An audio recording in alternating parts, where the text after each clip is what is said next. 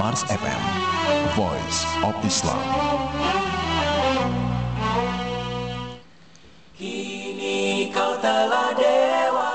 Ya, terima kasih masih di 106 Mars FM Voice of Islam. Baik sahabat muslim, eh, sekali lagi buat sahabat muslim kita di rubrik Taman Curhat Remaja. Silakan Anda yang ingin curhat bisa telepon di 8327 atau lewat SMS saja, murah meriah. 0856-707-2300 untuk kita diskusikan bersama permasalahan yang terjadi. Ya, oleh Ya, kita mulai Kang Oleh ya nih ya. Boleh, Nah, boleh, nih. Kang Oleh ada sahabat kita Nyimas di Pomad ini. Nah, assalamualaikum warahmatullahi wabarakatuh. Assalamualaikum warahmatullahi wabarakatuh. Ini untuk gaul Islam, aku mau curhat dong. Aku punya pacar di Purwokerto nih, tapi aku tinggalin udah hampir enam bulan. Setelah it, setelah, setelah lulus SMP, aku pindah karena aku harus school di Bogor. Kita pacaran udah satu tahun lebih, tapi komunikasi kita jarang. Makanya dia sering marah, tapi dia tahu keadaanku di sini. Gimana? Eh, cuma dia nggak suka ngertiin aku. Tolong kasih solusinya dong agar dia nggak marah sama aku. Eh, Nyimas di Pomaj. Iya. Cuma oleh sama nggak? Iya, baik. Bismillahirrahmanirrahim. Assalamualaikum warahmatullahi wabarakatuh. Eh, Kang Ari juga sahabat muslim ya yang setia mendengarkan acara kita ya di Taman Curhat Remaja. Hasil kerjasama Buletin Remaja Gawal Islam dengan Radio Mars 106 FM Bogor. Dan pertanyaan pertama ini datangnya dari Nyimas ya ini tulisannya Nyimas ya. Pakai EZ ya Z ya. Di Pomad ya 0856 80 89 sekian sekian sekian ya. Baik jadi eh, saya akan menjawab pertanyaannya Mas ya tapi bukan pada inti pertanyaannya ya. Eh, kenapa? Karena justru persoalannya ini adalah di pacarannya sebetulnya ya. ya, karena dalam Islam ya eh, pertanyaan yang Nyimas sampaikan ini memang terasa eh ya ini ya apa namanya? Rancu. Eh, ya rancu ya. Karena di gaul Islam sendiri berkali-kali ya kita tidak pernah membahas i- yang namanya pacaran ya. Maksudnya eh, mengakomodasi untuk pacaran tidak ya. Tapi justru kita yang mengingatkan agar remaja tidak pacaran. Nah di sini persoalannya itu kalau sudah terjadi seperti ini nih bagaimana? Baik kita akan eh, coba jawab ya. Nah di sini kebetulan Nyimas ini sudah eh, apa ya namanya sudah hijrah ya dari tempat yang lama ke tempat yang baru di Bogor ya. Dari Purwokerto jauh-jauh ke eh, Bogor ya. Jadi dari Jawa Tengah ya ke Jawa Barat. Nah katanya pacarnya juga masih tinggal di sana ya. Nah di sini komunikasinya jarang terus ya mungkin secara ketemu juga jarang juga gitu. Kalau malah nggak belum pernah kali ya. Ada enam bulan katanya dia itu ya. Nah di sini persoalan ya di situ kan pertanyaannya kan supaya di- supaya dia nggak marah gitu ya. Ini saya tidak akan menjawab eh, itu ya. Tapi akan menjawabnya adalah dari sisi pacarannya sendiri memang tidak boleh dalam pandangan Islam ya. Jadi sebetulnya kesempatan emas ya bagi Nyimas untuk Menghindari. tidak ya untuk tidak melanjutkan ya kalaupun mungkin ingin melanjutkan ya itu ke jenjang pernikahan Hmm. Nah, cuma masalahnya itu kan masih sekolah ya ini ya. Kalau dalam hukum positif di kita kan em, kalau masih sekolah tidak boleh gitu ya, sekolah SMA atau SMP apalagi ya. Nah, kalau kuliah udah boleh karena usianya kadang ada yang sudah 20 tahun ya. Nah, di sini langkah yang harus dilakukan pertama ya, Nyimas harus eh, ya kesempatan emas untuk tidak meninggalkan lagi eh tidak mencari ini lagi dia ya, tidak menghubungi lagi. Jadi sudah selesai sampai di situ ya. Ya. Kemudian Dimas juga harus bela- mulai belajar mencintai Islam ya, mengkaji Islam. Di situlah kita akan tahu ya bahwa dalam Islam ada aturan-aturan. Yang harus kita lakukan, yang harus kita taati, yang harus kita perhatikan dan harus kita amalkan jika itu adalah sebuah perintah. Ini ibarat rambu-rambu lalu lintas Kang Ari ya. Dalam Islam juga ada rambu-rambu rambu-rambunya ya.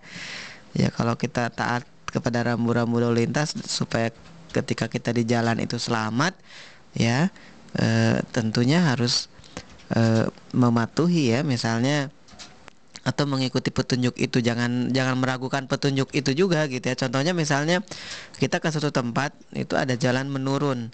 Itu kita kalau tidak hafal e, marka jalan misalnya nih lambang ada mobil terus jalannya turun. Nah ini kita bingung nih maksudnya apa gitu kan ya.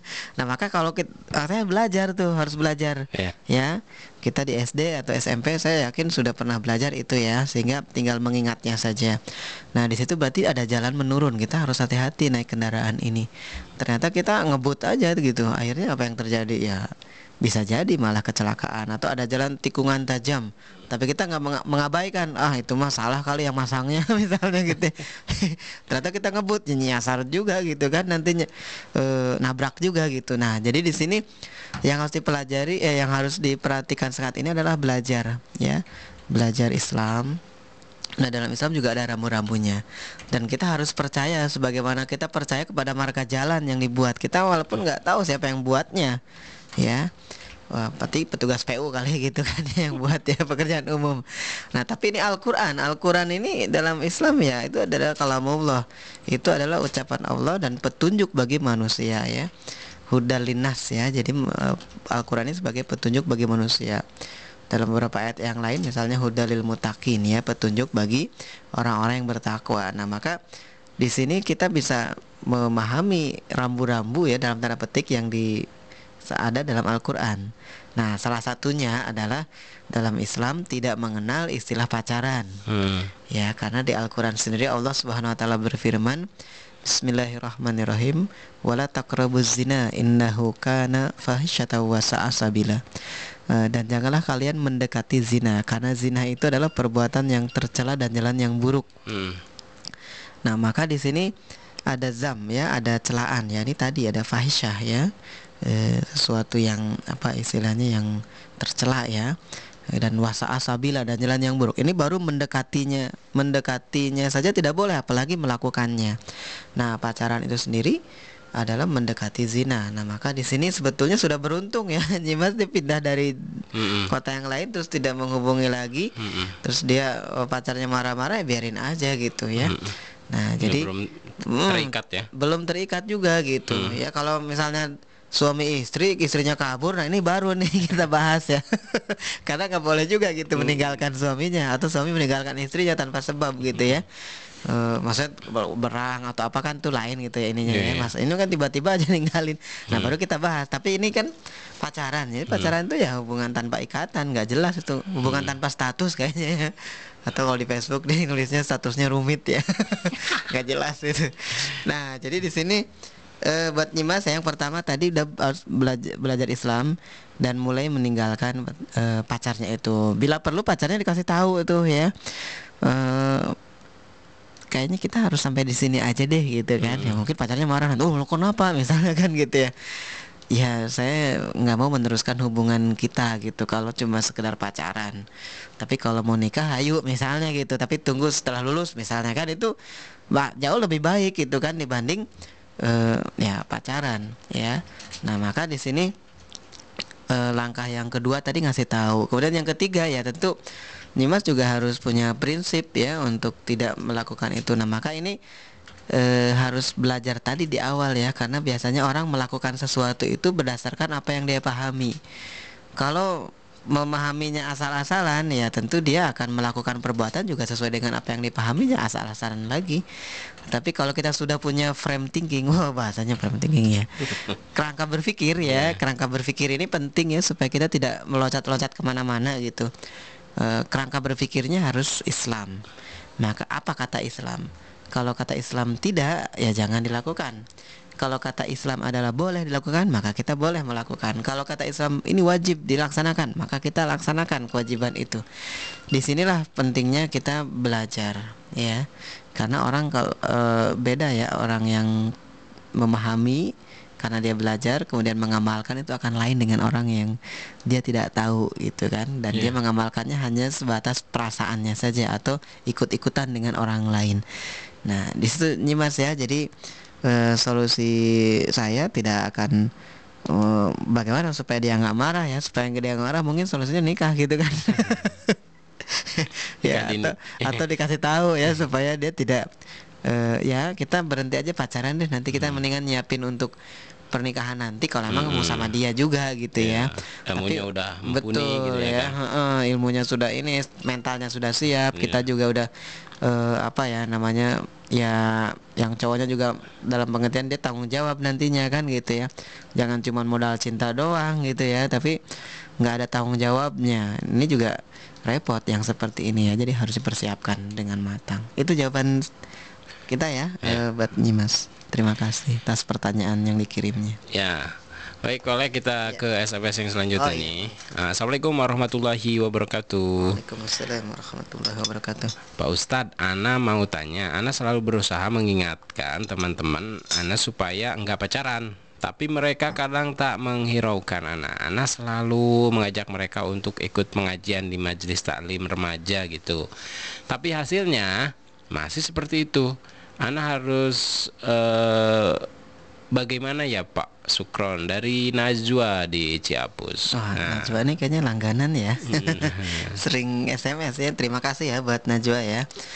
Eh kita jadi hafal Kang Ari karena sering sekali ya. mm, Boleh eh, nih Najwa kirim email eh kirim SMS.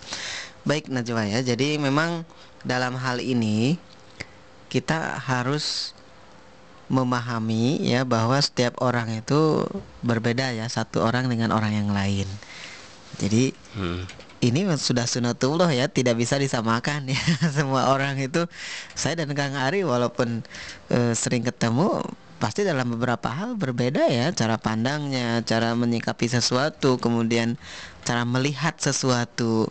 Mungkin ada yang berbeda gitu tapi ada banyak juga kesamaannya. Nah maka di sini eh, ketika ingin mengubah seorang manusia ya karena dia bukan robot ya jelas kalau robot mungkin kita tinggal ini aja apa istilahnya?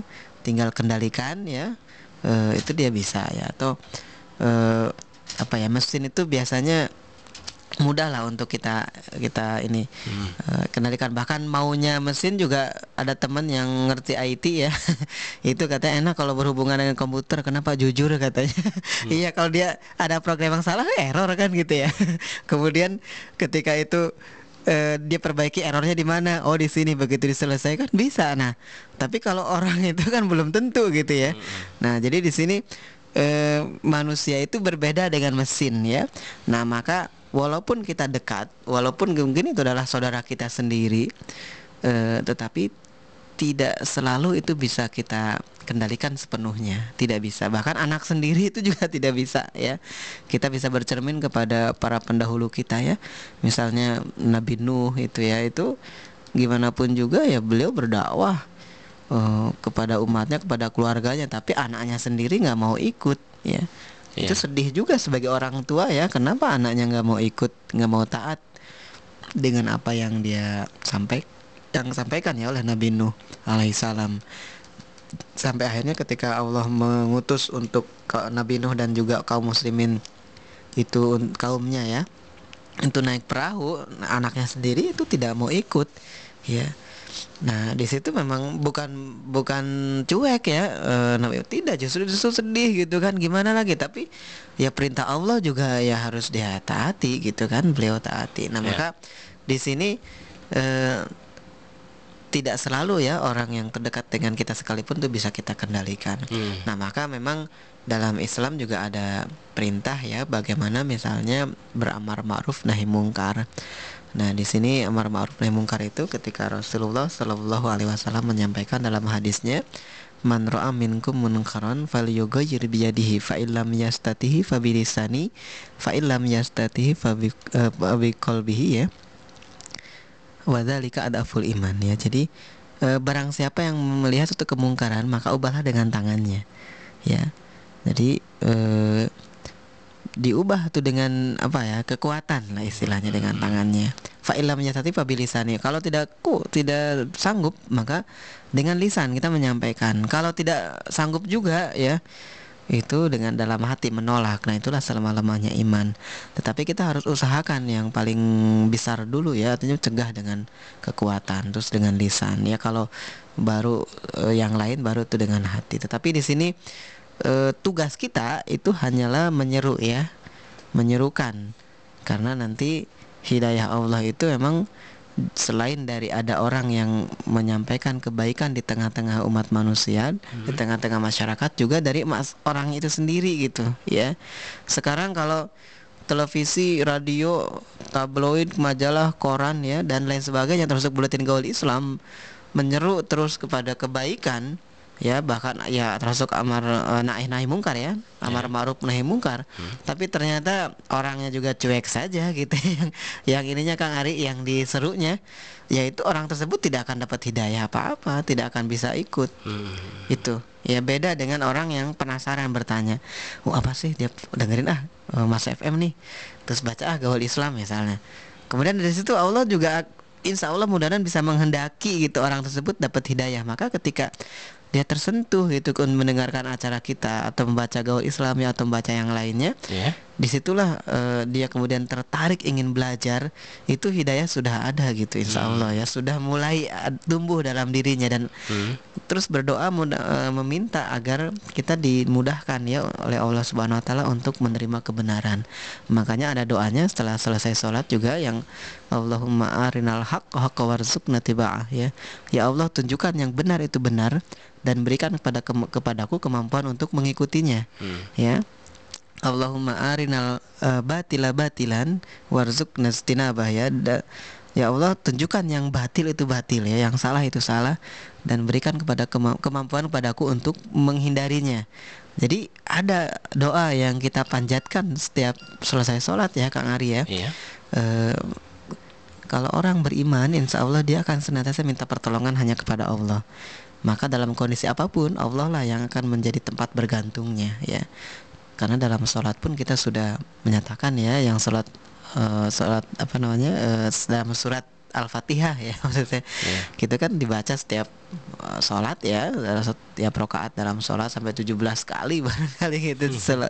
kalau sholat lima waktu saja belum sholat sunnah yang lainnya jadi di situ uh, kita sudah menunjukkan ya iya karena ubudu wa iya karena stain ya hanya kepadamu lah kami menyembah dan hanya kepadamu lah kami meminta pertolongan. Jadi kepada yang bukan kepada yang lain kepada Allah Subhanahu wa taala. Maka ketika sholat pun orang yang beriman dan insya Allah dia mendapat hidayah itu selalu dia berdoa memohon petunjuk kepada Allah Subhanahu wa taala. Ya. Nah, barangkali di situ teman-temannya sekarang triknya barangkali Kang Arya hmm. dalam hal ini eh, Najwa bisa menyampaikan kalau secara lisan diingatkan mungkin masih belum hmm. maksimal ya belum aja yang berubah ya coba kirim tulisan atau diminta untuk mendengarkan ya acara ini hmm. barangkali ada juga orang yang ini Kang Ari eh, faktor psikologis ya ah oh, yang nyampein yang ngingetin juga Najwa misalnya gitu kan temannya sendiri gitu kan. Hmm. ah siapa nih? Kang Oleh gitu kan. Ah itu mah adik kelas saya atau dia mah ah biasa saja orangnya misalnya gitu kan. Hmm. ada gengsi juga barangkali dari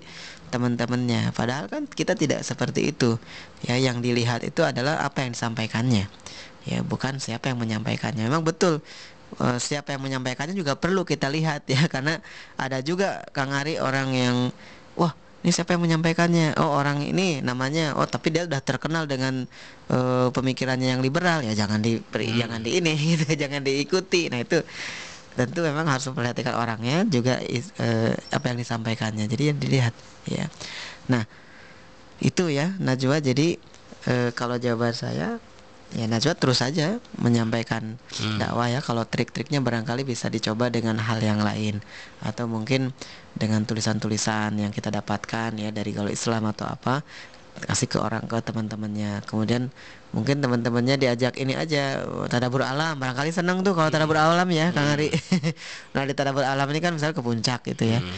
nah nanti baru di situ ada ceramahnya walaupun cuma 10 menit 15 menit. Siapa tahu di situ muncul hidayahnya karena dalam kondisi sepi ya di Sepi. tengah apa ya bukan di desanya gitu ya bukan di gunung di tempat atau tempat arung jeram atau gimana saja lah yang memungkinkan untuk dia kontemplasi ya merenung. Nah itu siapa tahu bisa diajak. Atau eh, nonton film bareng boleh tuh tapi filmnya yang yang bagus-bagus ya misalnya film-film Islami itu ya terus kita jelaskan kita ada ada orang yang memandu bagaimana mengarahkan orang memahami film ini misalnya ya Iya, iya. dijelaskan misalnya film Arisalah ini perjuangan Rasulullah wah kita bahagia dulu coba kalau misalnya ketika eh, kita mungkin kalau kalau hidup di zaman itu Hmm. kita nggak tahu jadi pembela Rasul atau malah penentang Rasul gitu kan ya Hmm. nah bersyukur kita ke sini terus Islam sudah hadir ya karena perjuangan para para pendahulu kita. Nah mungkin siapa tahu dengan yang seperti itu eh, dia akan ter- terenyuh ya semangatnya. Karena pengalaman saya juga dulu begitu Kang Ari ya. Hmm. jadi ketika itu diminta nonton bareng filmnya film Arisalah itu tahun 90-an ya. 90 atau 91 gitu dua SMA nah itu uh, semangat gitu ya. Ternyata eh, dijelaskan tuh sama mentornya itu ya eh, guru ngajinya wah ini menjadi bagus kita. Nah jadi variasikan ininya apa eh, cara penyampaiannya. Mudah-mudahan itu akan menjadi wasilah ya sarana untuk bisa menyadarkan teman-temannya Najwa. Baik itu Iya. tanggapan saya buat Najwa. Kang Oleh banyak sekali Banyak sekali ya. Yang harus kita jawab. Iya, tapi iya. kita harus sehat juga. Iya. ada sebuah nasi dari gradasi rindu Rasul. Rindu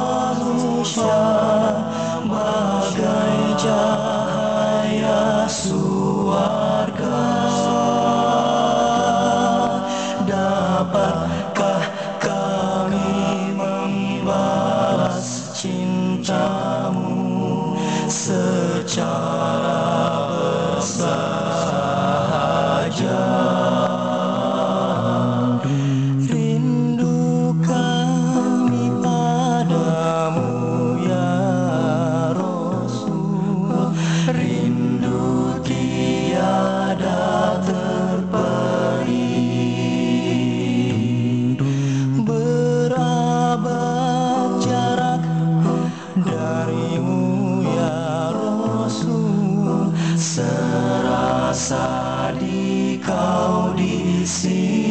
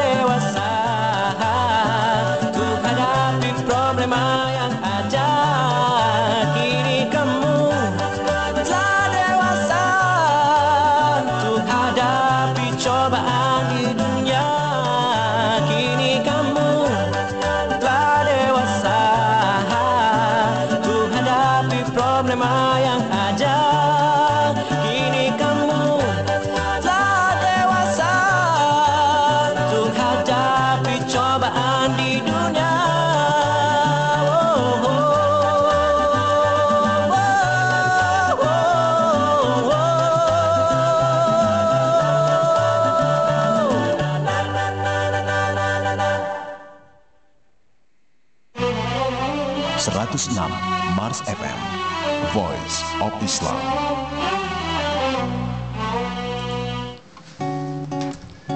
Gitu. Ya terima kasih. Masih di 106 Mars FM Voice of Islam. Kita kembali di rubrik Taman Curhat Remaja. Kembali ke SMS ya Kang Oleh ya, ya. Assalamualaikum warahmatullahi wabarakatuh. Waalaikumsalam warahmatullahi wabarakatuh. Pak Ustadz nih Siti di Bogor. Uh, hmm. Pak, bagaimana kalau orang tua kita mencari uang tapi dengan cara haram? Bagaimana apakah anaknya ikut uh, berdosa karena tak sengaja dan sengaja memakan barang yang haram? Dan kenapa kalau kita memakan barang yang haram? Nah, dan kenapa kalau kita menjalankan agama tidak ada yang mau berteman dengan kita. apa tadi? Kalau apa, Mak? Barangnya haram. Tidak mau berteman. Itu hubungannya apa tadi? Mencari uang tapi dengan cara haram yang -hmm. pertama. Hmm, -hmm. Yang kedua, kenapa kalau kita menjalankan agama? Oh, menjalankan agama. Uh, iya, tidak iya. ada yang mau berteman sama kita. Oh, oh. kayak tadi jadi dua pertanyaan berarti ini ya? Mm -mm. Dua pertanyaan, baik. Yeah. Dari siapa? Anak Siti. Siti, ya baik Siti ya. Jadi eh, yang pertama memang itu ada larangannya ya kita eh, apa istilahnya mencari barang yang eh, nafkah ya untuk keluarga itu dengan barang yang haram ya atau apa eh, dengan cara yang tidak halal ya misalnya mencuri atau mungkin jualan ya tapi jualannya daging babi misalnya gitu ya. Nah berarti kan dia mengusahakan hartanya itu dengan cara yang haram. Nah kalau itu kemudian dia eh, ambil dan anak istrinya juga memakannya maka itu juga akan menjadi barang yang haram juga yang masuk ke anak dan istrinya di situ ya. Nah di sini juga kalau dia maaf kalau dia berdoa juga ya e, bisa jadi malah tidak akan dikabulkan ya. Nah di sini ada hadis yang diriwayatkan oleh Imam Bukhari dan Muslim. Di situ eh, hadis ini cukup panjang ya dalam hadis arba'in ini. Hadis yang ke-10 ya dalam eh, hadis arba'in karya Imam Nawawi. Ya saya ambilkan ini ya, ya eh, apa yang ada hubungannya langsung ya di sini Rasulullah SAW menyebut eh, seorang lelaki yang berlayar jauh ya hingga kusutlah rambutnya dan kotor. Ya. Ia mengangkat kedua tangannya ke langit seraya berkata ya Tuhan ya Tuhan. Ia bermohon sedang makanannya haram, minumannya haram, pakaiannya haram dan diberi makan badannya dengan barang haram, ba- maka bagaimana yang demikian itu akan dikabulkan atau diijabah doanya. Jadi kalau kita berdoa ya makanannya makan yang haram. Kemudian minumnya juga minum yang haram. Kemudian menafkahi eh, orang apa keluarga kita dengan banyaknya itu selain doa ketika kita berdoa juga tidak akan diijabah juga ya tidak barokah gitu kan ya. Nah maka di sini memang ada larangan untuk menafkahi keluarga dengan barang yang haram ya. Bahkan dalam hadis eh, yang pernah saya baca juga di yang lain itu malah akan menjadi memberi semacam ini apa ya buat api neraka gitu ya kalau memberikan makanan dengan eh, apa namanya barang yang haram. Itu ya buat eh, Siti. Kemudian yang tadi kenapa kalau kita menjalankan agama ya? Secara hmm, mm, itu eh, apa istilahnya suka, di, di- suka dijauhi. ya. Iya. Eh, apa yang eh, Sama siapa dulu dijauhin eh, ya? tergantung juga gitu kan ya. Ma- Masa sama Pak Ustadz dijauhi? sama teman-teman mungkin. Iya. Yang Jadi- belum mengerti. yang belum mengerti betul ya. Jadi eh, apa istilahnya teman-teman yang yang kurang baik kan ya tentu ketika kita menyampaikan kebenaran dia akan kaget ya Kang Ari ya. Dulu saya pernah ngisi bedah buku di Purwakarta itu ya buku jangan jadi bebek itu yang pernah saya tulis. Itu ada seorang eh, narasumber juga yang dia menyampaikan ya sebuah ungkapan yang cukup bagus kalau menurut saya gitu ya. Dia menyampaikan bahwa eh, orang yang terbiasa dalam kegelapan cahaya terang itu sangat menyilaukan katanya. Jadi itulah penggambaran orang yang terbiasa dalam maksiat. Ya itu kan kegelapan ya. Iya. ketika diberikan eh, pencahayaan ya kebenaran walaupun sedikit dia merasa silau Hmm. merasa tidak mau menerima gitu. Coba orang tinggal di gua ya berapa tahun lah misalnya setahun atau mungkin jangan lama-lama lah sebulan misalnya di gua nggak pernah keluar ya. Dia hanya mengandalkan lilin barangkali gitu atau gelap-gelapan aja itu ya kayak orang bertapa gitu. Ketika ada celah cahaya masuk aja di antara itu. Dia silau karena mata itu terbiasa gelap. Nah maka perumpamaan itu tepat ya bagi orang yang terbiasa maksiat. Kemudian ada temannya yang menyampaikan kebaikan. Itu dia akan merasa eh, apa ya namanya merasa aneh gitu merasa gerah merasa wah ngapain sih? gitu ya udah ngomongin ini jauhin aja misalnya gitu ya. Nah jadi itu kalau yang menjauhinya adalah orang-orang yang memang eh, tidak mau taat kepada ajaran Islam ya itu memang wajar ya. Tetapi kalau yang menjauhinya orang-orang yang taat beragama dan kita lihat itu juga bagus juga dilihat dulu apa yang disampaikan yang dilihatnya. Ya barangkali kita dianggap sesat mungkin ya. Nah tapi harusnya bang jangan dijauhi ya. Kita minta pendapatnya. Bang yang salah apanya gitu? Dari saya tolong e, beritahu kalau itu apa yang saya sampaikan salah gitu kan. Jadi mungkin kepada para e, ulama juga ya atau orang-orang yang mengerti di masyarakat itu juga membimbing ya membimbing e, anak-anak muda ini yang masih semangat-semangat mencari ilmu ya. Karena ada juga kasusnya Kang Ari ya. Dan itu pernah saya dan kawan-kawan rasakan juga gitu ya di sebuah tempat. Itu ketika anak muda ini yang rajin belajar Islam ngaji itu malah dicurigai gitu ya. Ini kan aneh gitu ya. Aneh.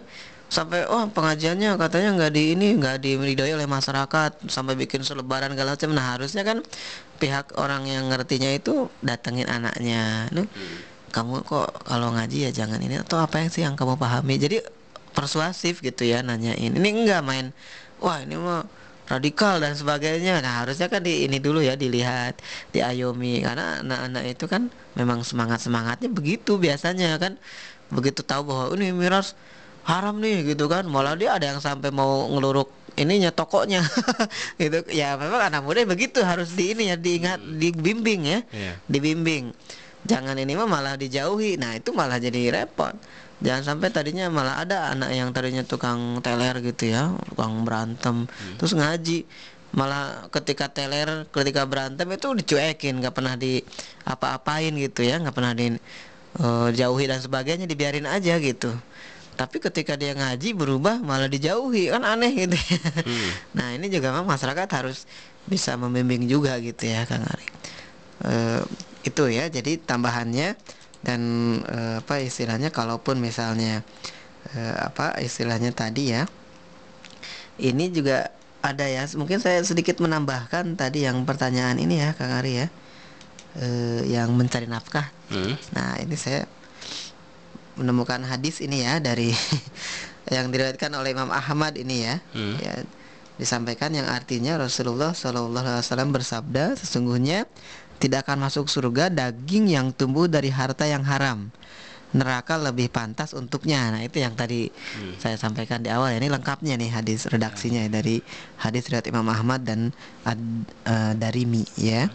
Nah itu jadi memang tidak boleh ya dari cara yang haram Hmm. buat Siti. Itu tanggapan saya. Terima kasih. Ya, kita ke SMS selanjutnya dari siapa nih? Assalamualaikum warahmatullahi wabarakatuh. Waalaikumsalam warahmatullahi wabarakatuh.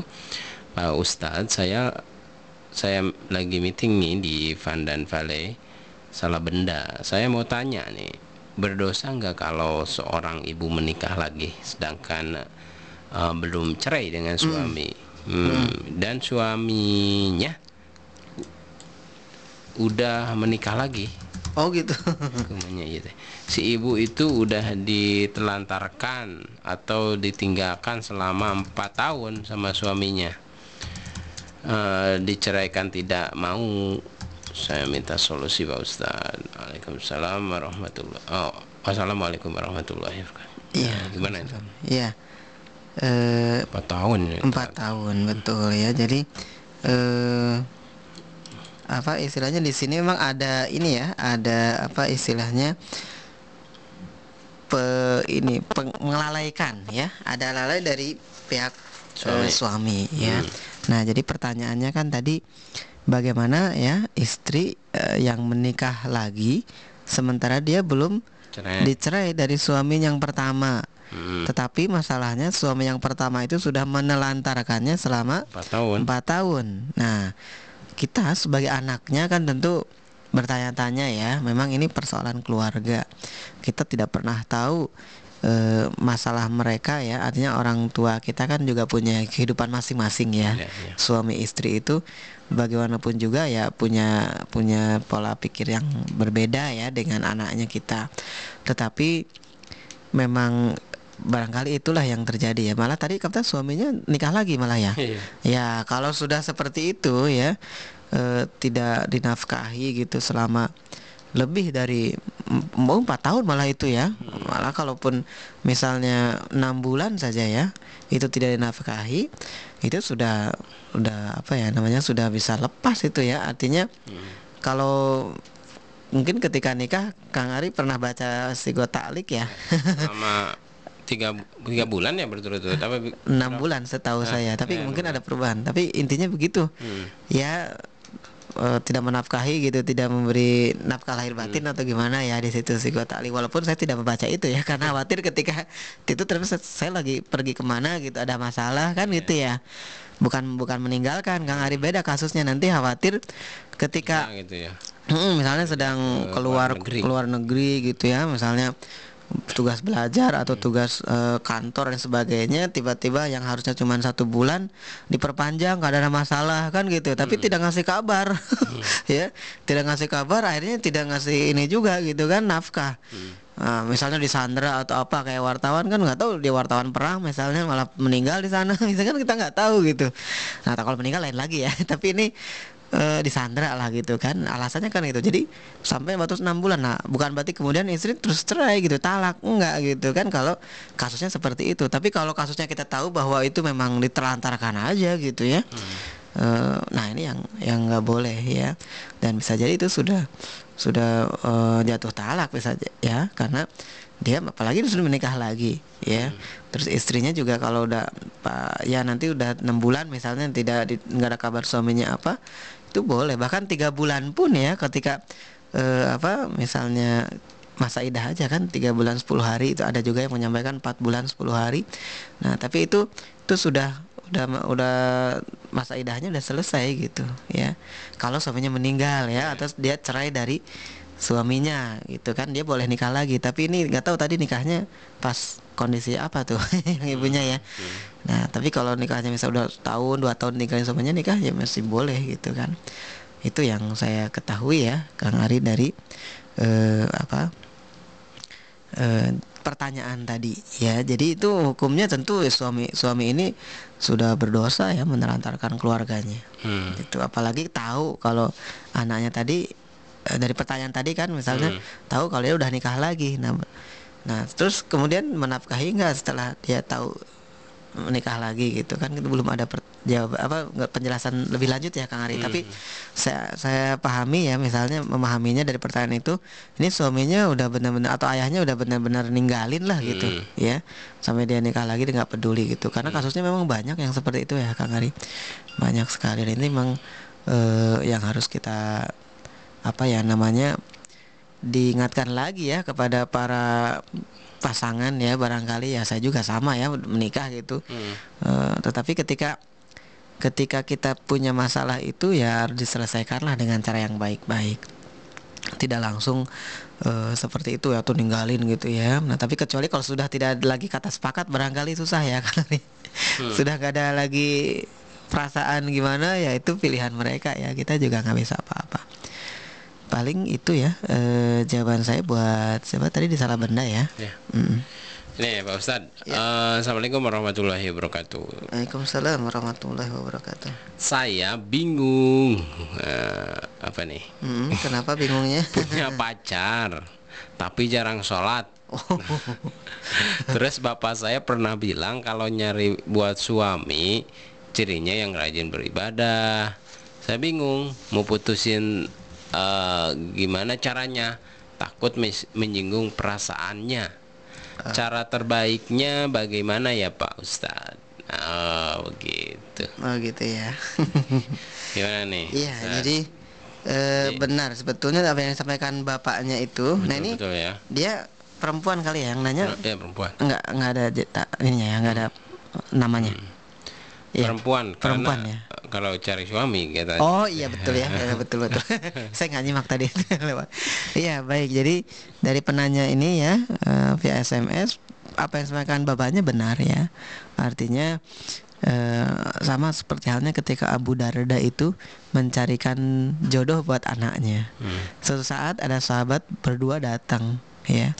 Itu meminta yang satu memang memang akan niat eh, ini apa namanya melamar anaknya Abu Darda gitu yang perempuan.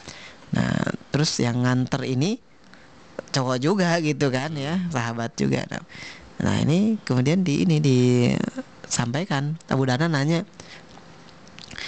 e, ini di antara dua orang yang solih ini ternyata Abu Darda memilih yang nganter Kang Ari ya apakah gerangan? Ternyata yang nganter itu Abu Darda tahu betul bahwa anak muda ini dua-duanya anak baik. Hmm. anak yang soleh dua-duanya gitu. Eh, tetapi yang satu itu lebih baik lagi kesolehannya. Jadi Abu Darda memilihkan untuk anaknya itu adalah suami yang betul-betul dia eh, di rumahnya itu ini ya eh, ibadahnya itu kuat ya. Ketaatan kepada Allah dan Rasulnya juga kuat. Nah jadi itu eh, ini konteks dalam mencari suami ya, ya termasuk istri juga. Jadi kalau ditanya tadi pacar ya tentu pacar pacaran sendiri kan memang tidak boleh dalam pandangan Islam ya itu yang yang proses taaruf mungkin ini. Mungkin taaruf ya. Kalau taaruf misalnya nanti mau khitbah itu boleh-boleh saja ya. Tapi jangan Nah, pacaran gitu ya jangan pacaran ya. Apalagi pacarnya nggak pernah sholat atau jarang sholat. Aduh itu gawat. gawat ya karena ya, sholat itu kan ya eh, boleh dikatakan ya ada para ulama menyampaikan tuh sholat itu adalah tiangnya agama. ya. Jadi kalau dan sholat itu membedakan antara orang yang beriman dengan orang yang kufur. Orang yang kafir dengan orang yang beriman salah satunya dilihat dari sholatnya. Nah sholat ini menunjukkan ya eh, kalau orang yang sholatnya benar itu dia bisa mencegah dari perbuatan yang keji dan mungkar. Ya bisa mencegah keji dan mungkar ah, dari yang keji dan mungkar. Nah maka di situ eh, tentunya ya untuk memutuskan dia ya kan tadi takut menyinggung perasaan ya. Nah pertama kita sampaikan ya bahwa ya kalau kalau menyinggung perasaan itu pasti ada ya Kang Ari ya. Iya. nggak ada orang yang nggak tersinggung ya. Pasti ada aja gitu. Namanya manusia. Mungkin kalau nggak tersinggung mah maaf ya sama hewan gitu. Ya hewan itu nggak pernah tersinggung kayaknya gitu. Kecuali dia ini ya kalau dimainin mungkin dia ngambek juga gitu. Tapi dinasehatin dengan kata-kata hewan kan nggak ngerti. Dia ya nyantai aja gitu. Tapi kalau manusia ya bisa jadi akan tersinggung walaupun hanya dengan kata-kata. Tetapi eh, kita sampaikan bahwa ya maaf ya misalnya eh, saya kita atau kita harus putus misalnya kan. Lo kenapa gitu kan ya? Oh ya karena saya eh, ingin ya agar nanti calon suami saya itu adalah orang yang baik-baik. Lo memangnya saya nggak baik? Misalnya gitu. Ya itu intro- introspeksi diri aja deh gitu sholatnya kamu gimana kan gitu ya. Terus nanti kamu juga akan tanggung jawab nanti kan karena tanggung jawab yang besar cowok itu ya. Nanti jadi suami bahkan jadi ayah gitu. Nanti gimana kalau dia tidak tanggung jawab Bagaimana menyelamatkan orang lain, orang dia yang sendiri nggak bisa menyelamatkan dirinya kan gitu ya? Nggak bisa, ah betul. Padahal ya. Hmm. Arijalu kuamuna ala nisa ya, Pem- laki-laki itu pemimpin para wanita. Mm-mm. Ya dia kepala rumah tangga. Tapi kalau misalnya suaminya saja begitu ya tidak menjadi tidak bisa menjadi imam di keluarganya ya. Bagaimana bisa dia menjadi orang yang ya katakanlah bisa menjadi kepala rumah tangga, bisa bertanggung jawab. Itu juga harus dipikirkan ya oleh para akhwat ini ya, para wanita ya muslimah untuk memilih calon suaminya itu yang benar-benar bertanggung jawab selain soleh ya eh, agamanya bagus tapi dia juga punya komitmen terhadap eh, ininya apa keluarganya ya karena ada juga yang ya katakanlah dia Eh, tapi insya Allah sih ya kalau ada orang beriman dia beramal soleh dia soleh sih insya Allah dia akan akan bertanggung jawab ya kepada keluarganya. Jadi dipi- jadi jangan sembarangan memilih eh, apa orang yang asal jangan cinta. Cinta itu bukan segalanya kok gitu ya. Cinta itu justru yang bagus itu adalah kalau dia memang cinta tapi cintanya karena Allah. Kalau cinta karena Allah maka dia akan melakukan apa pun itu atas dasar kecintaan dia juga kepada Allah. Contohnya misalnya saya mencintai seseorang, ya ya dulu mencintai eh, sekarang mencintai istri saya lah gitu kan ya. ya, maka kecintaan saya kepada istri saya itu karena saya cinta kepada Allah. Hmm. Apa itu? Ya Allah memerintahkan untuk menjaga Mm-mm. istri kita, menjaga anak kita. Iya. Ya, nah maka itu kecintaan ya atas dasar karena Allah karena nanti akan saya saya akan diminta pertanggungjawaban di akhirat kalau saya tidak bisa menjadi pemimpin bagi anak dan istri saya. Nah, itu kecintaan pada Allah. Hmm. Atau ketika seseorang ingin mencintai seseorang dalam remaja ini ya, atau orang yang belum menikah, maka dia ketika mengekspresikan cintanya itu pastikan kalau memang benar cinta kepada Allah, maka dia akan eh, caranya benar Kang Ari ya. Mm-mm. Ya dengan ta'aruf ya hitbah dulu kemudian nikah. Nah, iya. Ya. Saya pernah- proses-proses yang benar. Betul, iya. Jadi saya pernah bikin buku judulnya jangan bilang cinta. Hmm. Nah, di situ Hmm. disebutkan ya, ya kenapa kok jangan bilang cinta? Iya, jangan bilang cinta kalau ya cuma Hmm. di bibir saja gitu Ya. kan. Jadi Hmm. tidak sampai ke hati. Hmm. Ya. Masa eh, bilang cinta ya tapi dia pacaran gitu Hmm. kan ya Nafsu bilang doang. ya. nafsu doang gitu Hmm. kan. Jadi tuh kalau kita telusuri PNDK-nya gitu ya, Hmm. penelusuran nafsu dan kekuatan itu. PNDK. Nah, dia mungkin lebih banyak ininya gitu kan. Iya. Nafsunya nafsunya ke- dan kekuatannya kuat gitu ya, tapi komitmennya lemah biasanya Hmm. ya. Dia hanya seneng ya gaul bebas itu disuruh nikah nggak mau gitu kan. Ya disuruh tanggung jawab nggak mau. Nah, ini yang harus kita perlihatkan. Nah, maka di sini tadi ya bilang aja putus ya eh, nanti sampaikan bahwa itu kita lebih mencintai Allah dan Rasulnya. Hmm. Insya Allah suatu saat namanya jodoh itu kalau Allah menghendaki ya kitanya juga baik, Insya Allah akan diberikan yang baik juga Kang Ari ya. Hmm. Jadi tidak inilah tidak yang yang kurang baik. Hmm. Ya, pasti. Bisa jadi mesantren dulu itunya. ya. Iya, harus Iya. belajar dulu Belajar kelihatannya dulu gitu gitu kan ya, ya. Jadi benar. ya Apalagi namanya jodoh masih tuh- muda gitu ya, betul betul Hmm. karena em, ini ya jodoh itu memang di tangan Allah Subhanahu Iya, Wa Taala. Kita nggak bisa walaupun kita ngotot saya pengen sama dia, tapi kalau Allah nggak mengizinkan nggak Iya, akan bisa. betul, betul. Gitu.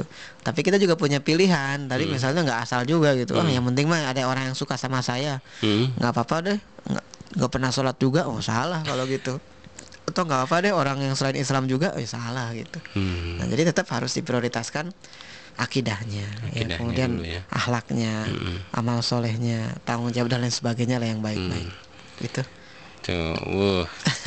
Skron, Kang Oleh. Iya. Ya. Kita Ada lagi rehat SMS? apa?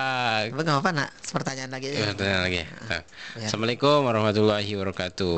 Hamba Allah di Bogor.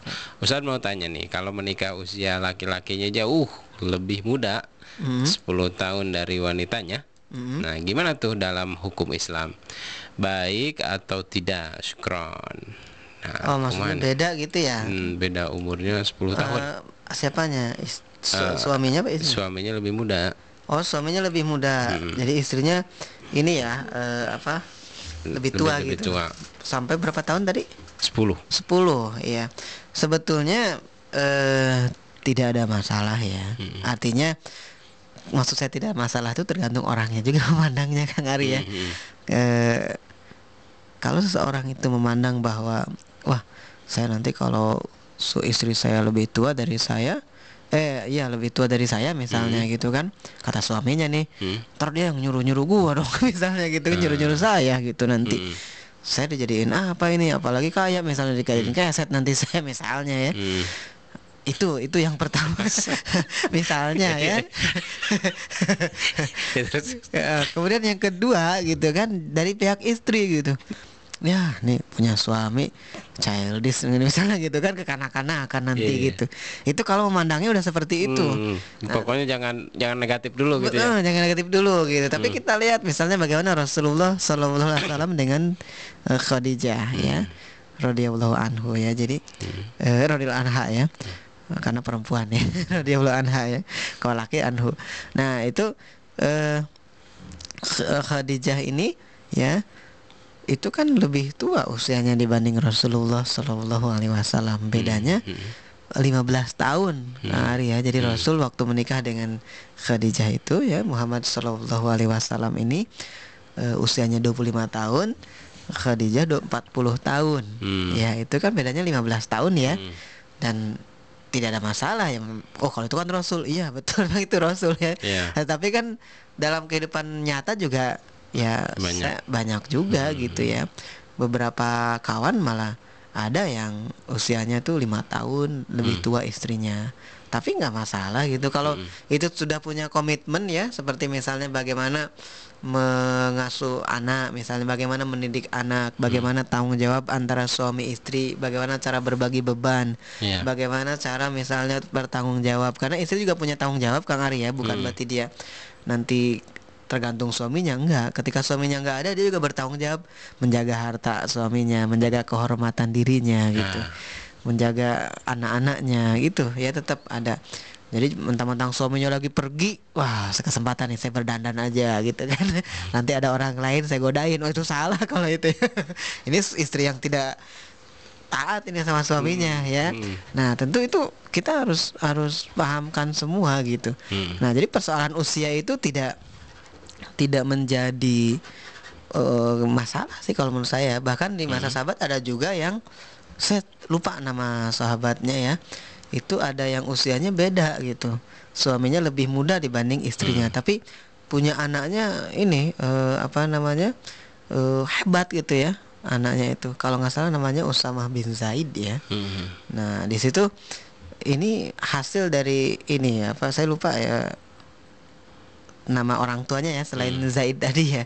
Saya lupa loh, nanti mungkin saya cek lah. Tapi Usama bin Zaid ini dididik ya dari orang tua yang ya kalau segi ini ibunya lebih tua dari ayahnya gitu ya. Nah, dididik malah jadi panglima perang tuh pada usia 18 tahun ya. Subhanallah. Hmm. Jadi emang tergantung ini juga kita memandangnya ya komitmen aja gitu. Nah, mungkin istrinya lebih tua ya lebih dewasa gitu, tapi eh, belum tentu juga gitu kan ya. Yang penting kan Yang akhlaknya penting baik. akhlaknya Hmm, baik iya, ya. Betul, betul. Kemudian keimanannya, Keimanannya kuat, kuat, ya. ya. Tanggung jawabnya dan sebagainya tuh suami Mm. walaupun masih muda istri- nah, dia tetap akan ngikutin suami Mm, kan sebetulnya iya. istri itu. Kalau misalkan berondongnya tepara ruguh gitu kan. oh gitu ya. Iya udah mah pengen jadi apa eh, pemimpin tapi nggak para ruguh kan jadi Hmm. Iya. betul betul juga ya kali ya Mm, betul. Jadi yang intinya sih Hmm. komitmen dia ya terhadap rumah tangga itu, bagaimana mengasuh anak, bagaimana eh, pendidikannya, bagaimana Ya, ya. misalnya berbagi peran. Kalau istrinya mungkin juga punya kegiatan di luar rumah ya, Hmm, hmm. dakwah atau ngajar atau mungkin bela apa ya namanya belajar dan sebagainya misalnya, itu juga bagaimana mem- membagi membagi perannya itu Hmm. Nggak masalah kalau menurut saya gitu. ya. Tinggal diomong didiskusikan saja di antara suami istri itu. Hmm. Eh, itu tidak ada perbedaan usia. Eh, maksud maksud saya perbedaan usia tidak menjadi masalah. Tidak masalah, Eh, ya. Seharusnya. ya Iya. ya Kang Oleh Iya, kita iya. rehat dulu lah Oh, boleh silakan. sabar sahabat muslim masih banyak waktu kita sampai Jam 10 ya. jam 10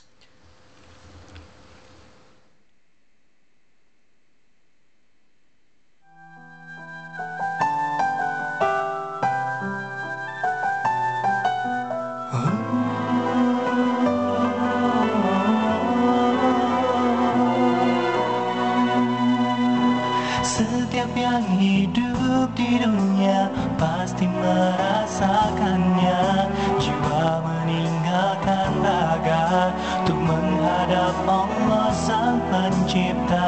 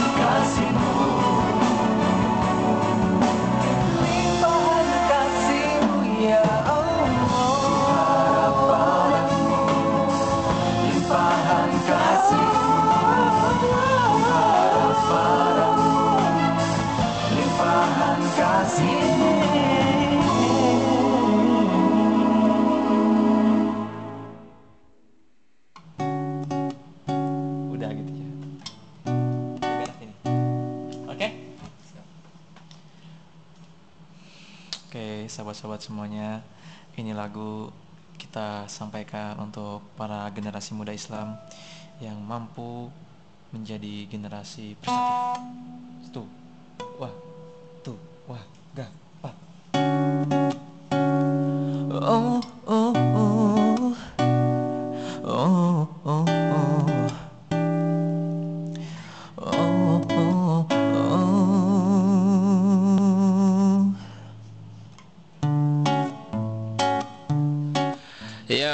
kasih. Masih stay tune di 106 Mars FM Voice of Islam yang dipancar luaskan dari Al Markas Islam Bogor, Jalan Raya Pajajaran 10, samping Masjid Raya Bogor. Masih di Taman Curhat Remaja bersama saya Ari dan narasumber kita Kang Oleh Solihin. Iya.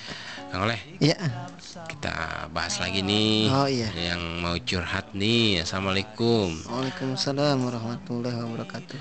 Ustadz saya sudah ingin menikah. Mm-mm. tapi saya malu untuk mengutarakan keinginan saya ini. Apa yang harus saya lakukan? Sekarang-sekarang ini keinginan untuk mempunyai keturunan cukup kuat. Wajarkah itu? Mohon solusinya Ustadz. Sukron Jazakillah Wah, subhanallah nih, bagus Ya, jadi sekali pertanyaannya ya. pengen ini ya nikah ya. Mm-mm. Kak. iya, baik. Siapa namanya nggak ada ya? Nah, Mbak Allah. Hamba Allah. Iya. Baik dari pertanyaannya saya akan coba bahas ya. Bagaimana katanya ingin kalau udah keinginan untuk menikahnya Ya. sudah kuat ya. Kuat. Iya. Bahkan keinginan punya anak juga ya. Mm-mm. Usianya juga mungkin sudah ini kali ya. Udah siap lah gitu ya. Mm. Jadi gini, eh yang bisa dilakukan ya tentu kita berdoa ya, kemudian berusaha. Artinya apa doanya ya? Tentu kita berdoa memohon kepada Allah Subhanahu wa taala ya minta diberikan jodoh yang baik ya.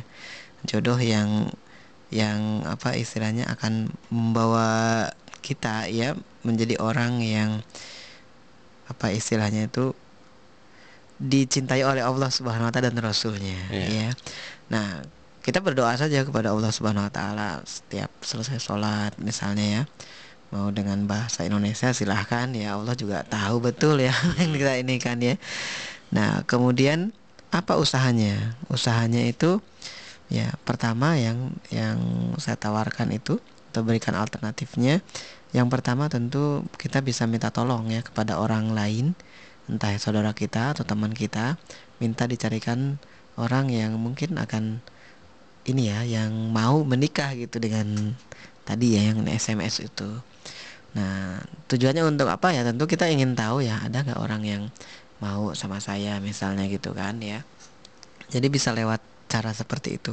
Hmm. Kemudian ya mungkin juga kalau kita baca ya di beberapa media massa ada juga yang kontak jodoh itu Kang Ari ya. kontak jodoh Menarik ya. Walaupun kita nggak tahu ya, memang ada kontak jodoh Islami. Mungkin bisa dicoba juga ya, tetapi Ya. eh, ya kita kadang bingung juga gitu ininya ya. Yang Eh, paling bagus sama. Bang? ya paling bagus tentu tadi lewat teman yang bisa gitu ya teman yang bisa diajak Hmm. eh, apa ini bisa dipercaya maksudnya ya mungkin guru ngajinya maka insya Allah ya kalau tadi tapi yang SMS misalnya dia bi- eh, aktif ya di suatu komunitas di organisasi kemasyarakatan atau organisasi remaja masjid atau organisasi majelis taklim dan sebagainya lah ya Eh, atau harokah Islam dan sebagainya. Itu insya Allah kalau kalau yang seperti itu ada ya channel-channelnya gitu ya.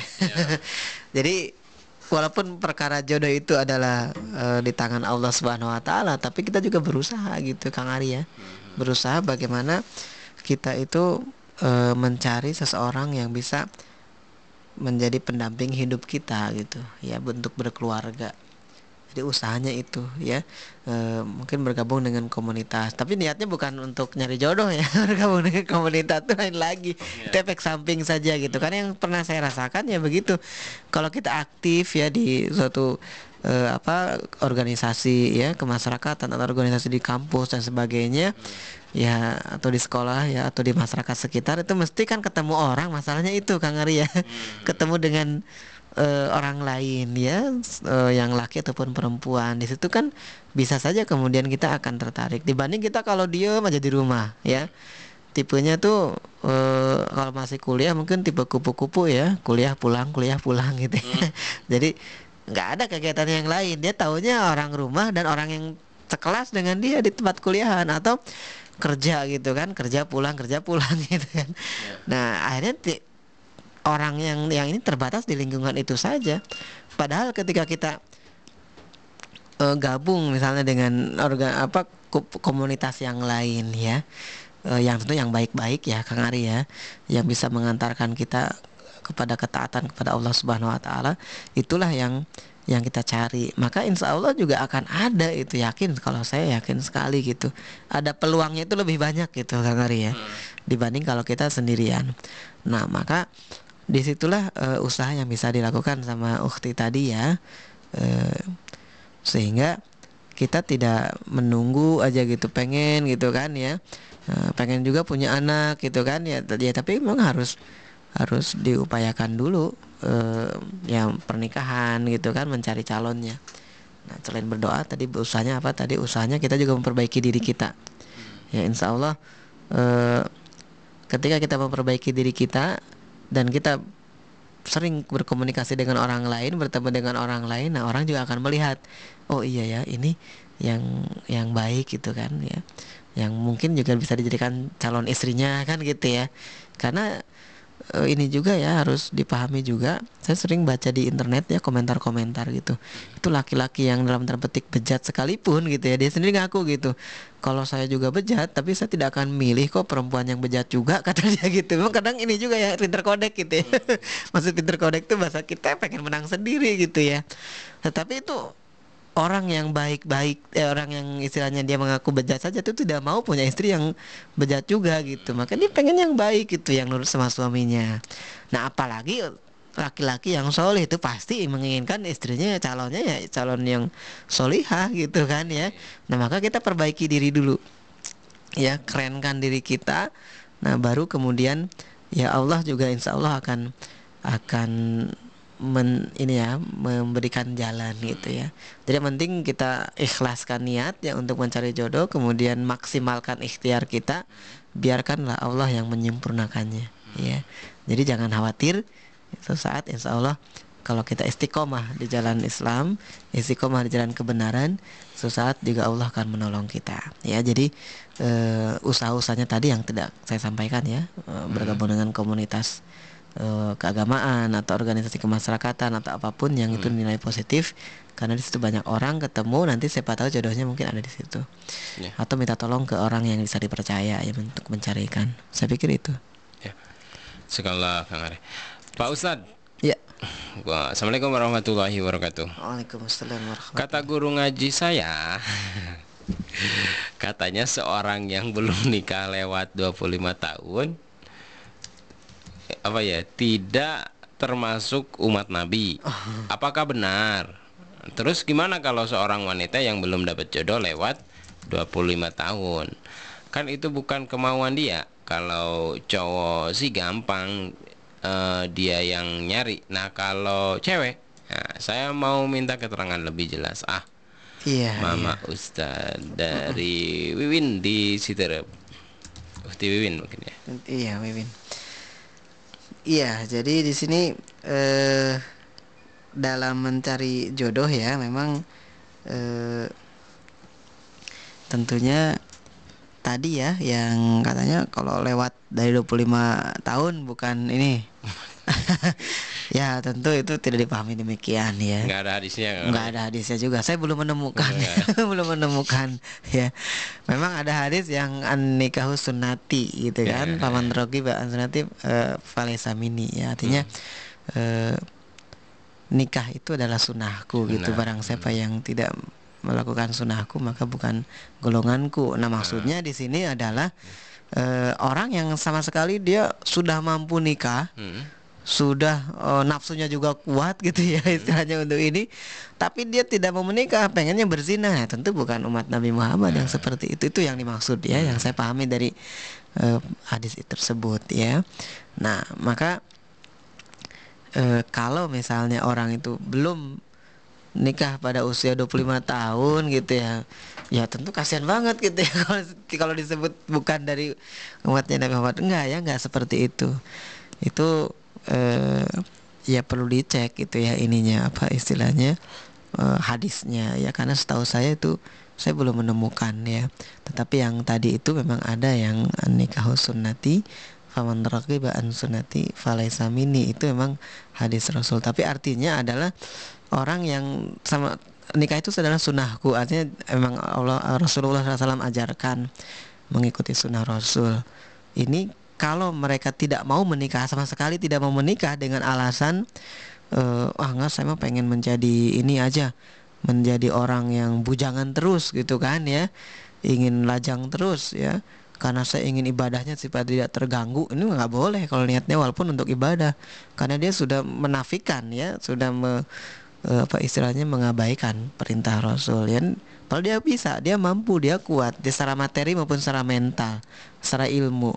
Tapi dia menolak dengan ini saya tidak mau nikah saya ingin oh ya terserah lah gitu mau ibadah atau apa terserah saya. Nah itu tetap ya itu namanya tabatul ya.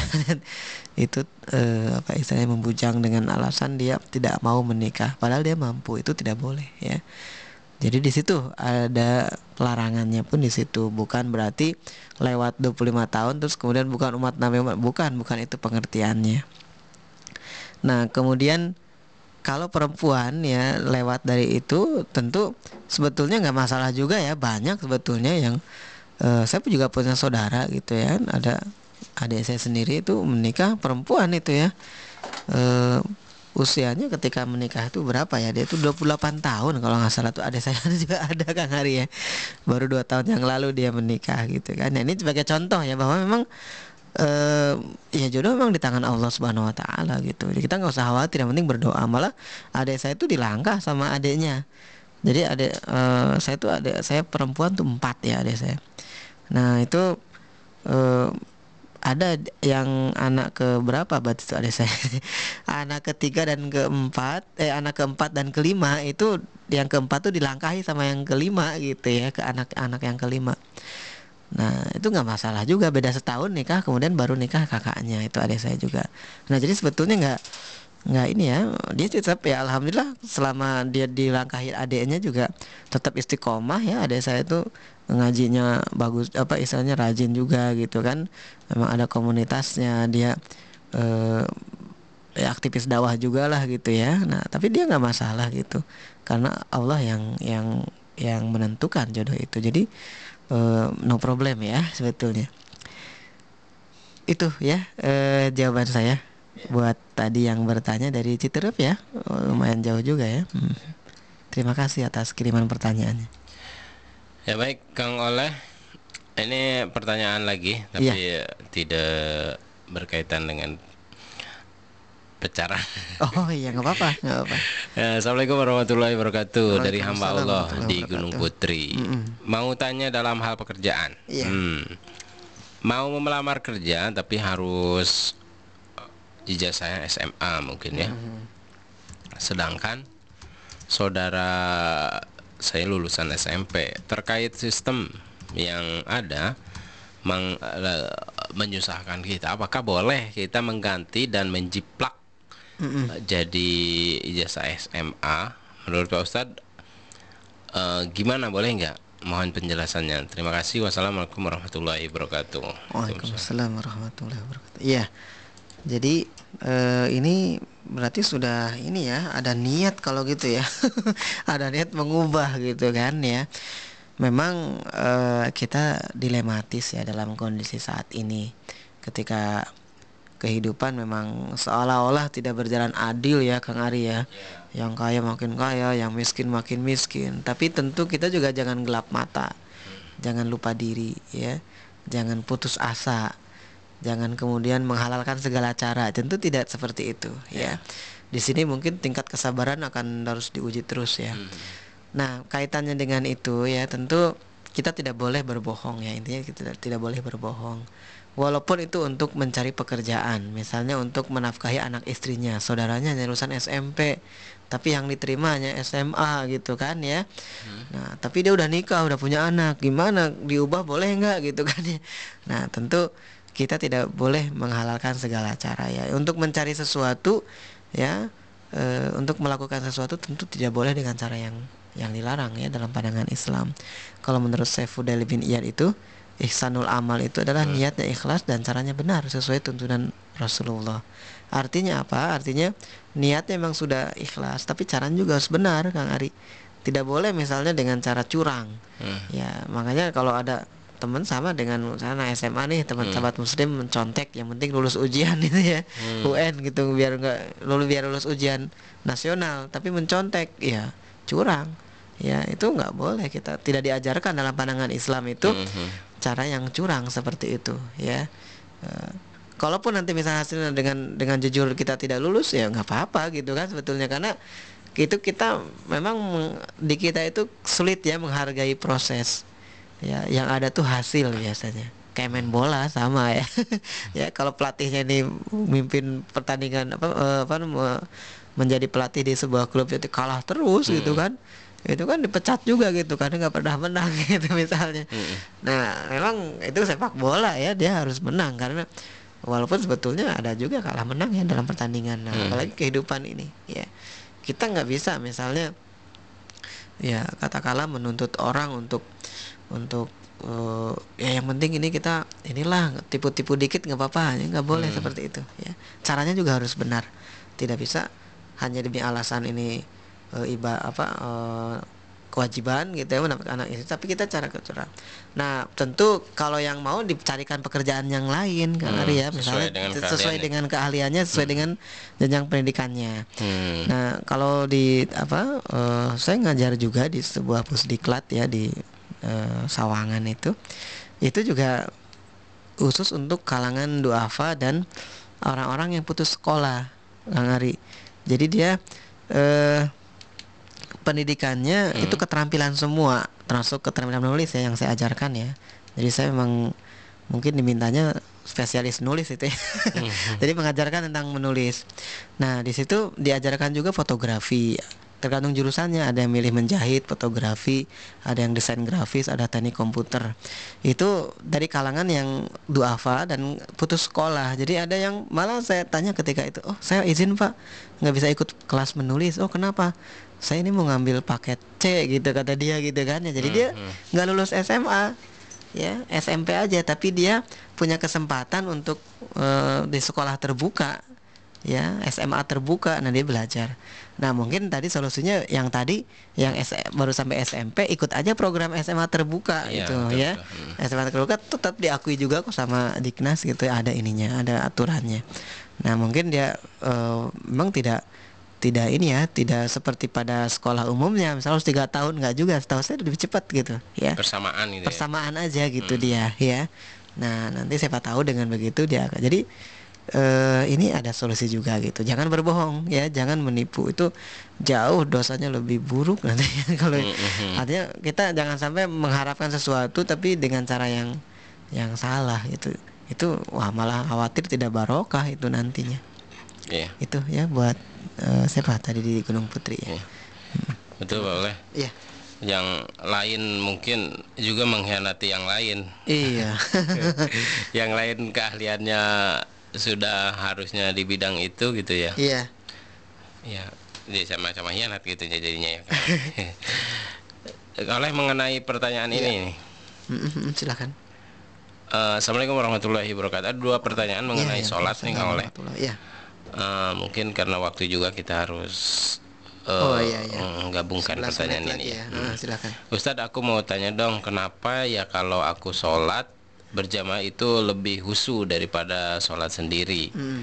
Nah, dan bagaimana caranya supaya sholat bisa husu sukron yang berkaitan dengan sholat Iya. Jadi kalau untuk sholat ya memang eh, ketika kita sholat berjamaah itu katanya musuh ya. ya satu lagi boleh Oh ada lagi. Ya. Pak Ustadz gimana caranya menyikapi dan yang kita lakukan apabila kita melihat ada seseorang yang sering melalaikan ibadah sholat Padahal dia tahu ibadah sholat itu wajib? Gimana nih?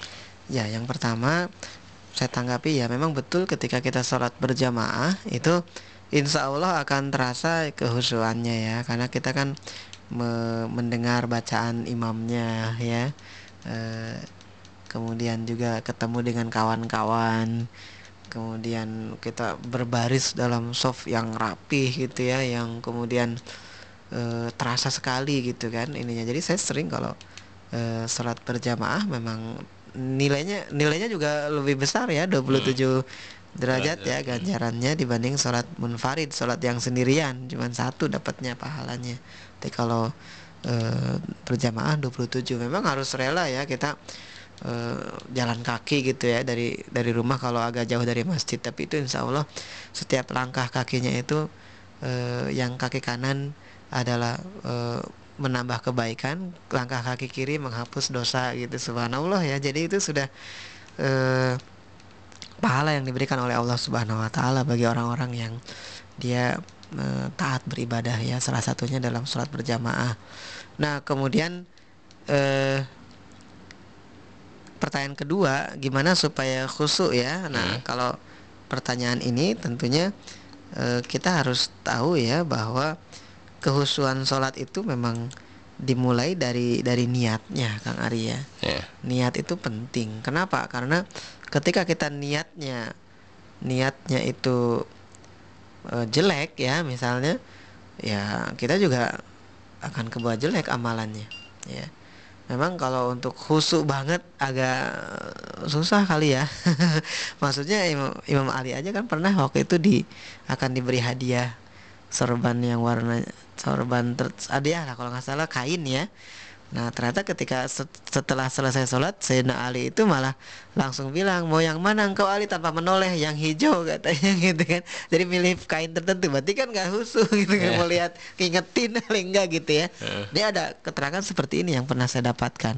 Berarti memang kalau husu dalam hal seperti itu itu agak berat ya untuk bisa eh, apa yang bisa kita lakukan tetapi ada para ulama juga yang menyampaikan bahwa khusyuk di sini lebih berkaitan kepada nanti bekasnya. Artinya salatnya itu dia bisa eh, apa ya dari tanha anil fahsya'i wal munkar itu ya, mencegah dari perbuatan yang keji dan mungkar. Itu kalau salatnya benar. Ya, itu juga ada yang dipahami seperti itu khusyuknya definisinya. Nah, tapi kalau misalnya kita ingin khusyuk dalam eh, salat itu pertama ya, pastikan kita hafal ya terjemahannya ya. Hmm. Nah, kalau kita- kita berusaha melafalkan eh, bacaan-bacaan sholat, tapi eh, ingat diingat tuh terjemahannya gitu supaya apa? Supaya kita akan konsentrasi terhadap bacaan itu, ya. Nah, itu satu yang eh, yang pertama ya. Kemudian yang kedua, kalau ada gangguan-gangguan, misalnya eh, berisi segala macam, kadang orang nggak bisa nggak selesai sholat, nggak apa, keganggu terus sholatnya ya. Tentu menyingkir dari situ ya. Misalnya kalau di tempat kos nih anak-anak ini ya mendingan ke masjid gitu kan atau diminta ini dulu deh tolong tertib sejenak misalnya saya mau sholat. Nah bisa saja jadi menghindari gangguannya yang suara-suara atau apa saja lah yang bisa mengganggu dia konsentrasi. Sebetulnya konsentrasi ya lebih ke arah konsentrasi bukan kehusuan. Kemudian yang ketiga ya tentu di sini kita eh, betul-betul ini ya eh, apa yakin ya bahwa eh, kita itu memang beribadah kepada Allah gitu bukan kepada yang lain. Artinya kita tidak bisa lalawora lalawora apa ya? Gegabah gitu artinya ah kadang-kadang cepet gitu ya. Karena dia apa ya namanya mungkin pembalap gitu ya. Kalau tarawih kan cepet banget itu. Ya ini kita di hadapan Allah gitu ya. Maka kita harus harus beradab juga gitu kan ya. Ya kita di hadapan kepala sekolah aja nurut gitu ya dia menjaga sikap. Masa di hadapan Allah enggak gitu kan ya? Apalagi kita beribadah kepada Allah. Jadi kita yang dihadapi itu Allah dan Allah maha melihat. Nah pastikan kita sholatnya sungguh-sungguh gitu kan? Jangan jungkal-jungkal jungkal-jungkal tereh kayak gitu kan? Udah takbir belum apa langsung ruku belum ini langsung sujud baru bangun. Wah itu berat sekali gitu ya. Sholat itu karena kepaksa kayaknya nggak menikmati nah coba pelan-pelan sholat bacaannya. Nah biasakan juga sholat malam ya Kang Ari. Kalau sholat malam kan kita boleh membaca yang panjang-panjang sendirian kan masalahnya. Nah di situ kita akan merasakan nikmat. Maka merasa dekat dengan ini ya dengan dengan Allah Subhanahu Wa Taala. Nah di situlah kita akan merasa khusyuk. Bahkan ada sahabat yang saking khusyuknya sholat itu dia tidak mempedulikan panahnya itu dia sedang sedang sholat di panah Kang Ari Hmm. ya. Dan dia tidak mencabut panahnya. Terus aja sholat sampai selesai sholatnya baru mencabut panahnya. Itu saking hebatnya itu ya. Jadi kalau kita kan mungkin kena ini aja langsung gerubak gerubuk ya. Naon eta misal nah tentu ini lain. Tapi ya itu kan bisa jadi teladan kita gitu. Bisa dijadikan teladan. Itu yang kedua ya pertanyaan. Kemudian yang ketiga mengingatkan teman yang apa tadi nggak pernah sholat atau mungkin lalai sholatnya ya. Hmm. Ya tentu orang seperti ini harus diingatkan dengan kalau dia so- eh, apa istilahnya sudah kita nilai dia ngerti tapi kok bandel gitu ya istilahnya. Apa ya nggak ada takutnya gitu. Mungkin orang seperti ini kayak masih anak-anak berarti ya.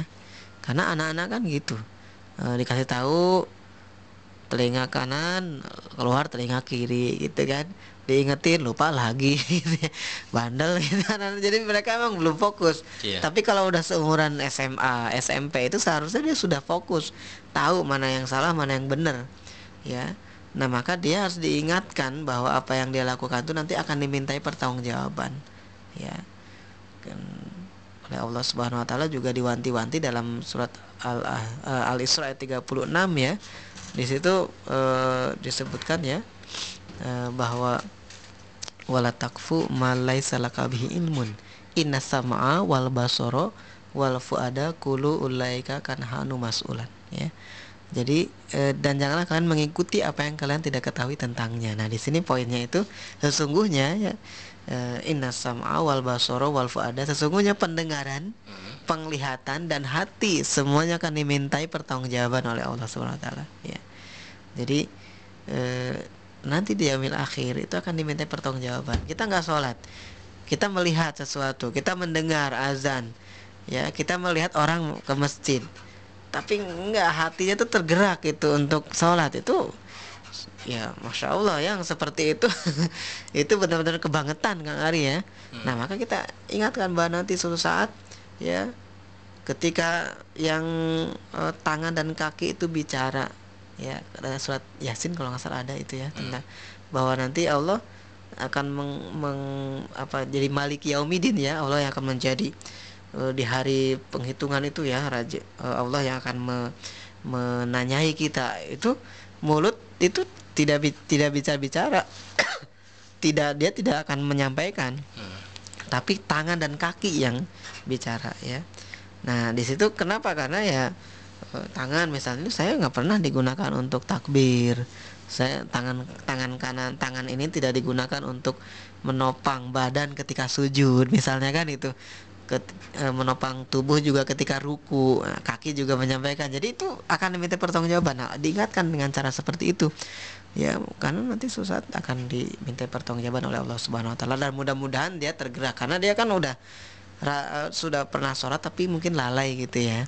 Nah kemudian kita komitmen sebagai seorang muslim. Karena sholat itu adalah bagian dari ciri ya sebagai seorang muslim. Ya kalau sholatnya aja nggak benar wajar. Kalau kalau dia juga dalam kehidupannya nggak benar lagi Kang Ari ya dia sembarangan menggampangkan segalanya ya Jadi misalnya yang berkaitan dengan eh, apa ya, misalnya halal haram, kadang-kadang ya ah, haram-haram dikit mah ambil aja misalnya. Nah, itu kalau sholatnya nggak benar akan begitu itu ya. Kalau sholatnya benar dia tahu ah, ketika sholat itu dia baca eh, doa eh, apa istilahnya iftitah misalnya ya. Kemudian ketika ruku baca doa, ketika sujud baca doa, tasahud awal, tasahud akhir baca doa. Ya, Al-Fatihahnya juga dibaca, dia pasti akan akan terjaga, dia akan paham kemudian terjaga untuk melakukan perbuatan yang maksiat. Ya, tapi kalau sholatnya ge tereh gitu, masukkan tereh tuh ya nggak dihayati gitu ya cepet ini semaunya gitu Mah, apalagi nggak sholat nah ini itu eh, maksud saya ini berbahaya gitu. Ya orang akan mudah dia eh, melakukan maksiat juga akan mudah gitu. Menggampangkan. Dah nggak apalah berbohong sedikit mah gitu kan mau dicarekan ya memang adanya nggak kerasa ya namanya dosa ya pasti tetap dia akan minta pertanggungjawaban. Padahal Allah itu tidak akan pernah salah mengkalkulasi amalan setiap hambanya. Ya. jadi hati-hati gitu. Ya. baik itu eh, jawaban saya Ya, terima kasih Kang Oleh atas ilmunya yang telah dan bermanfaat. Membagi- amin yang telah membagikan ilmunya kepada kita semua. Sahabat muslim juga terima kasih telah bergabung di 106 Mars FM Kang Oleh. Sebenarnya Iya. ada beberapa SMS nih yang belum ya. kita jawab tapi waktunya sudah habis. Jadi Iya. mohon maaf untuk sahabat muslim tapi sepertinya di save nih insya Allah lah ya eh, nanti di pertemuan yang ke ini, akan ke datang ya komputer nanti. Mm-mm. Mm. akan dijawab. Terima kasih juga buat sahabat muslim. Dan kita berdua nih dari studio undur pamit.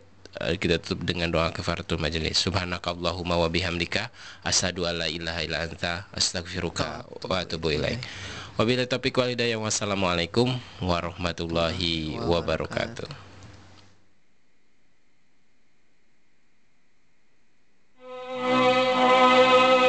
106 Mars FM Voice of Islam